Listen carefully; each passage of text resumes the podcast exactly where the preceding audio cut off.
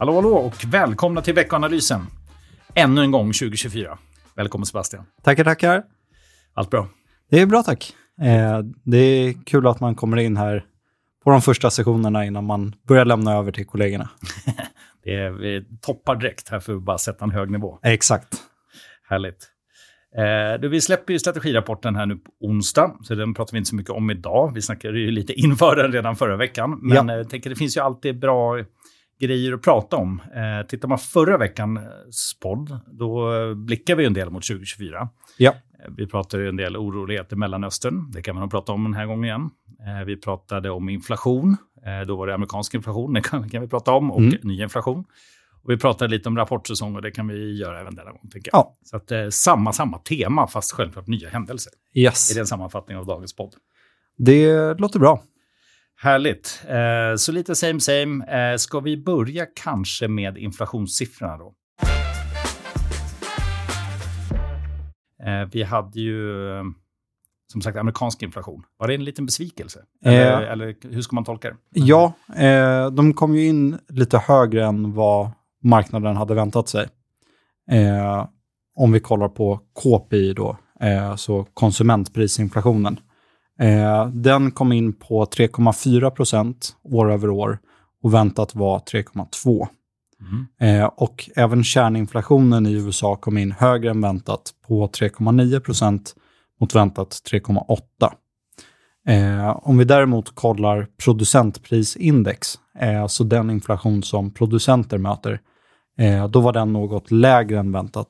Eh, 1 år över år eh, mot väntat 1,3. Så det övergripande kostnadstrycket tycks ju fortsätta ner, eh, men det var ändå en liten besvikelse när man kollade just på konsumentprisinflationen eh, som fortsatt är för hög. Eh, men det här skakade faktiskt inte om marknaden så mycket som Nej. många av de senaste eh, inflationsprintarna har gjort. Utan det känns lite som att man allt mer börjar släppa det här. Så länge man ser att trenden håller i sig, mm. går åt rätt håll. Exakt när vi är nere på två verkar inte längre spela jättestor roll. Eh, utan nu är fokus lite mer på att vi ska ta oss dit och ändå bibehålla en någorlunda god konjunktur. Mm. Eh, och det gör ju USA sannoliken än så länge. Exakt. Bra. Eh, så egentligen ingen större oro för den här amerikanska inflationssiffran. Nej. Eh, men sen så har vi mer inflationssiffror den här veckan och då kommer det ju, ja det har redan kommit för svensk faktiskt när vi spelar in det här nu. Yes. Eh, även, eh, och sen har vi europeisk också och den kommer väl, är det onsdag? Ja, tysk på tisdag tror jag och sen eh, eurozonen på onsdag. Just det. Och hur ser det ut egentligen med förväntningar där då? Ja, om vi börjar med att ta den svenska som kom in nu i morse, eh, så kommer ju även den högre än väntat. Mm. Eh, högre än marknadens prissättning i alla fall. Eh, så där såg vi att eh, KPIF eh, landade på 2,3 procent och väntat var 2,2 procent. Låga tal ändå. Men ja, exakt. Det är ju mm. faktiskt ändå ganska nära Riksbankens mål eh, som ligger på 2 eh, Dock om vi ser till KPIF exklusive energi så landade det på 5,3% mot mm. väntat 5,2. Eh, och det är ändå ner från månaden innan, eh, men eh, där ser vi att räknar vi bort det faktum att eh, elpriserna till exempel inte är så höga som de var för ett år sedan, ja då eh, då ser det inte lika positivt ut på inflationssiffran, utan då är det mer kvar att jobba med. Den viktigaste frågan av allt, tror du att den här siffran som har kommit påverkar Riksbanken? Mm. Möjligtvis lite grann, eh, men eh, inte särskilt mycket. Eh, de ser ändå att trenden pekar neråt. Och Riksbanken har ju själva sagt att det kommer sänkningar 2025, 2026. Mm. Det tror ju vi är alldeles för sent. Eh, så man lär eh, skjuta fram sänkningarna oavsett. Eh, sen kanske man inte skjuter fram dem lika mycket som man hade gjort om vi hade kommit in eh, 0,2-0,3 procentenheter lägre eh, idag. Och slutligen då tittar vi på europeisk inflation. Eh, då är det ju väntat, 2,9 ser jag här, eh, år över år för definitiva inflationssiffror i december. Ja. Eh, och i Tyskland så är det ju lite högre än så. Eh, men även där är väl inget som just nu, ja, givet att det inte blir extrema avvikelser, så är det egentligen en trend som har pågått ner under en tid. Ja. Eh, sen har vi ett litet hack uppåt och det får vi se till att det inte fortsätter. Då. Men Mm. får vi se. Bra. Eh, vi släpper inflation tills vidare då, tycker jag. Eh, och tänker att vi tar rapporterna från, eh, från förra veckan. Då. Det var ju lite av en mjukstart kan man väl säga. Det, bankerna brukar vara tidiga i USA. Mm. Eh, och det är ju framförallt USA det gäller. I Sverige har vi inte kommit igång riktigt än. Eh, och där fick vi ju ja, lite blandade signaler ändå. Det kom ju dels från Blackrock, som i och för sig inte är en riktig bank. Eh, det kom från Citigroup, det kom från JP Morgan. Um, kan man säga något övergripande om dem eller är det egentligen väldigt olikt? Eh, ja, men det skiljer sig ganska mycket. Eh, de kom in högt och lågt. Eh, men det är ändå en del saker som pekar på att bankernas glansdagar nu lite är förbi. Eh, efter att vi då har gått igenom de här rapporterna alltså. Mm. Eh, vi kan däremot lyfta fram exempelvis att eh, JP Morgan, även fast den här rapporten beroende på var man väljer att kolla, kanske inte var någon dunderrapport, eh, så lyckades de ändå redovisa en rekordvinst för helåret 2023 eh, som landade på 49,6 miljarder dollar. Eh, och ja, nytt rekord för dem, nytt rekord för sektorn. Eh, En gigant, helt Ja. enkelt, med mycket vinst. Ehm, ja, intressant. Och hur såg det ut bland de andra? Det jag fastnade lite på var ju just Blackrock då. Mm. Ehm, som ju som sagt inte är en bank, utan en världens största kapitalförvaltningsfirma snarare. Ja. Eh, De köper det här Global Infrastructure Partner för 12,5 miljarder dollar. Och Mm. då adderar man då 106 miljarder dollar i främst infrastrukturinvesteringar. Eh, rätt intressant. Inte ett så gammalt bolag som har lyckats väldigt, väldigt bra på, på kort tid. Ja. Eh, äger bland annat andelar i flygplatser och så vidare. Eh, och eh, det här gör ju bara Blackrock ännu större och framför allt på den privata marknaden. Mm. Man har ju väldigt mycket mot publikmarknaden. Eh, blir ju en gigant som blir ännu större. Helt Ja. enkelt. Så rätt intressant nyhet från den rapporten. Yes. Sen hade vi Citigroup. Det som jag främst såg i, i media var väl att de sparkar 20 000 personer. Det är ju också en jättefirma, så 20 000 personer är inte ovanligt. Eh, men rapporten i sig har inte jag tittat på. Har du sett någonting hur det var? Eh, ja, från vad jag har sett så verkar den vara lite av en besvikelse. Eh, men inte en så stor besvikelse att det inte vägdes upp för att man gör sig av med massa personal. Eh, så även fast eh, vinsten var lägre än väntat eh, så steg eh, aktiekursen med ungefär 2% på rapporten. Eh, vilket visar på att ja, det lite dåliga resultatet det här kvartalet vägdes upp av kostnadsbesparingar som man gör inför framtiden. Intressant. Och sen kommer det två finansjättar till då den här veckan, bland Goldman Sachs och Morgan Stanley. Exakt. Så, riktigt stora bolag. Ehm, och intressant att se eh, av många skäl då. Mm.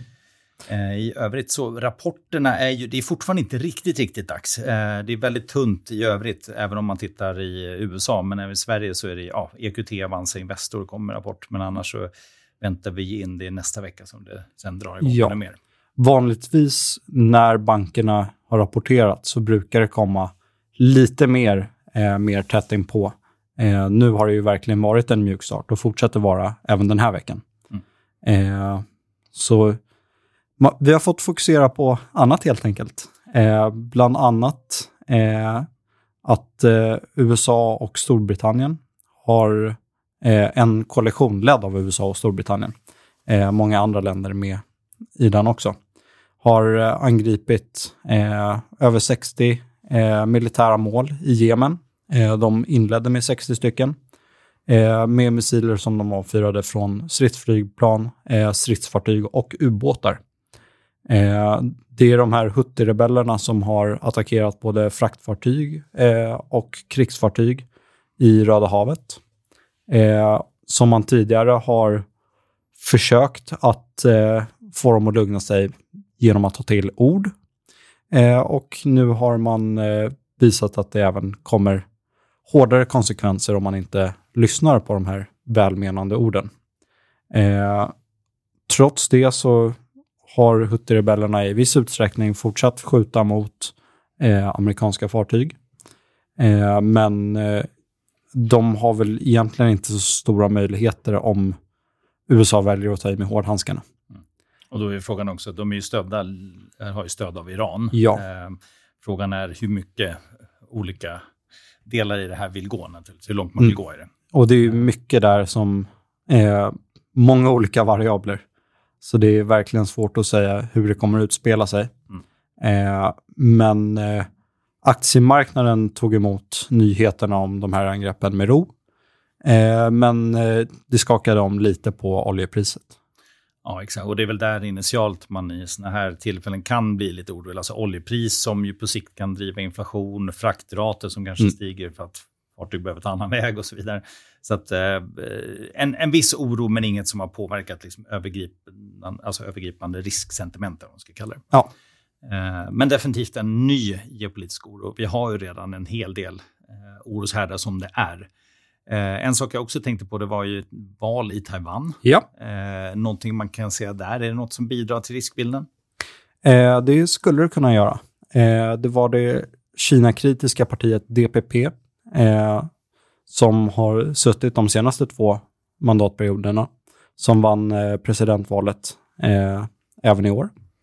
Eh, och eh, Kina är ju inte nöjda över att eh, den här presidentkandidaten vann.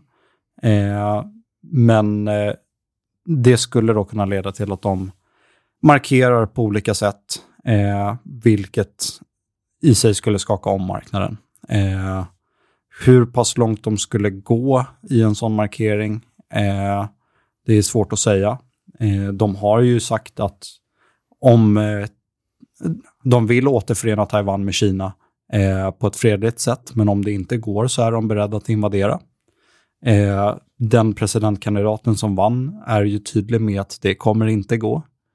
Eh, och ja, de två motståndarna eh, var väl egentligen eh, de driver en mer Kina-vänlig politik, inte för att de gillar Kina, utan för att de ser det som det bästa sättet att undvika en militär konfrontation med dem.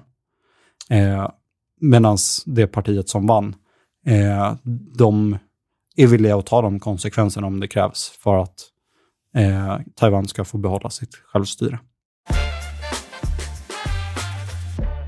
Jag tänkte väl eh, en grej som ju, ja, vi också kan nämna är att eh, det är ju val på gång i USA, mm. tänker jag.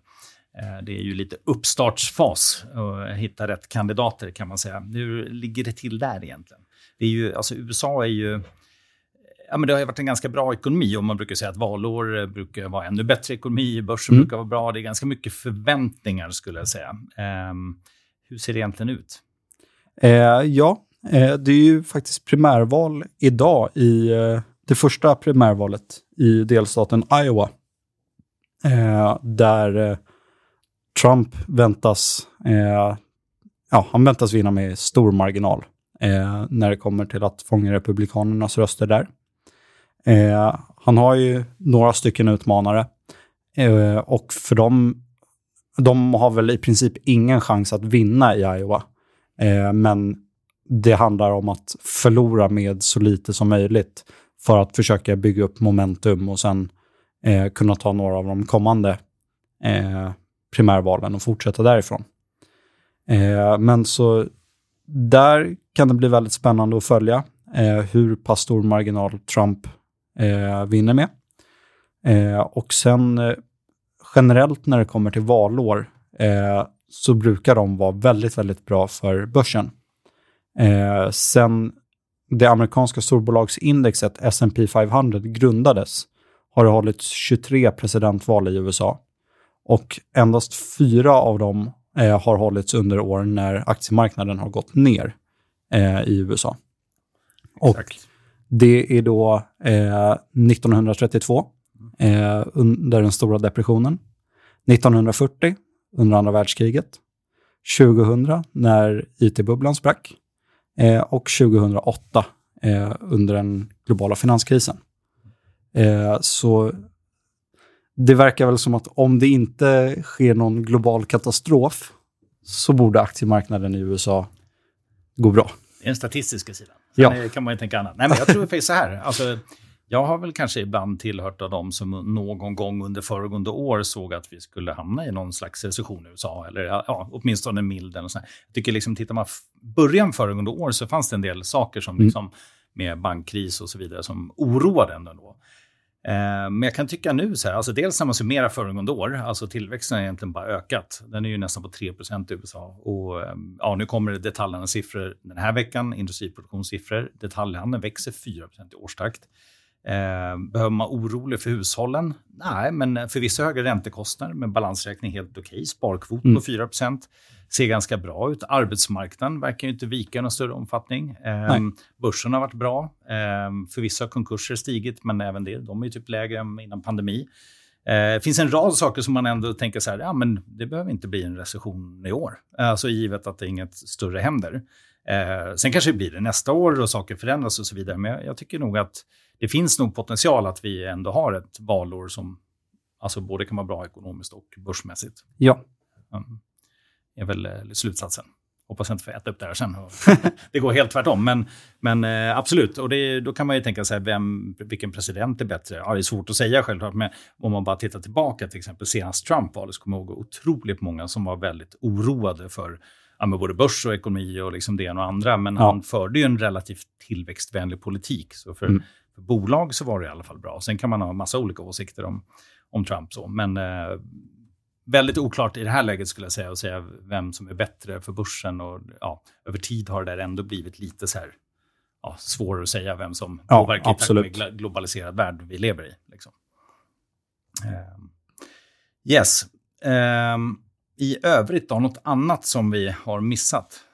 Uh, och som kanske framför allt kommer den här veckan. Det kommer lite siffror från Kina, BNP-siffror, industriproduktion. Sevindex i Tyskland, är det något som du saknar? Sådär? Jag tycker väl egentligen att vi har täckt det mesta. Eh, och sen så går vi och väntar med spänning på att rapportsäsongen ska dra igång på riktigt. Jag tänkte säga att vi väntar på spänning på strategirapporten. Den det också. Men det, det, är både rapportsäsong i form av bolag och rapportsäsong i tanke på att vi släpper den. Exakt. Vi startar rapportsäsongen. Vi startar den och eh, håll utkik efter den. Den läggs ju upp på vårt externa nät och så vidare. Eh, så där går vi igenom alla marknader. Både, det kommer vara mycket makro, det kommer vara mycket fundamental värdering och det ena och det andra om marknaden. Kanske även något om eh, supervalåret 2024. Kan vara så. En, eh, en riktig temadel kanske. Yes. Så. Härligt. Ser fram emot den och vi ser fram emot nästa veckas podd också. Ha det bra allihopa. Ha det bra. Hej.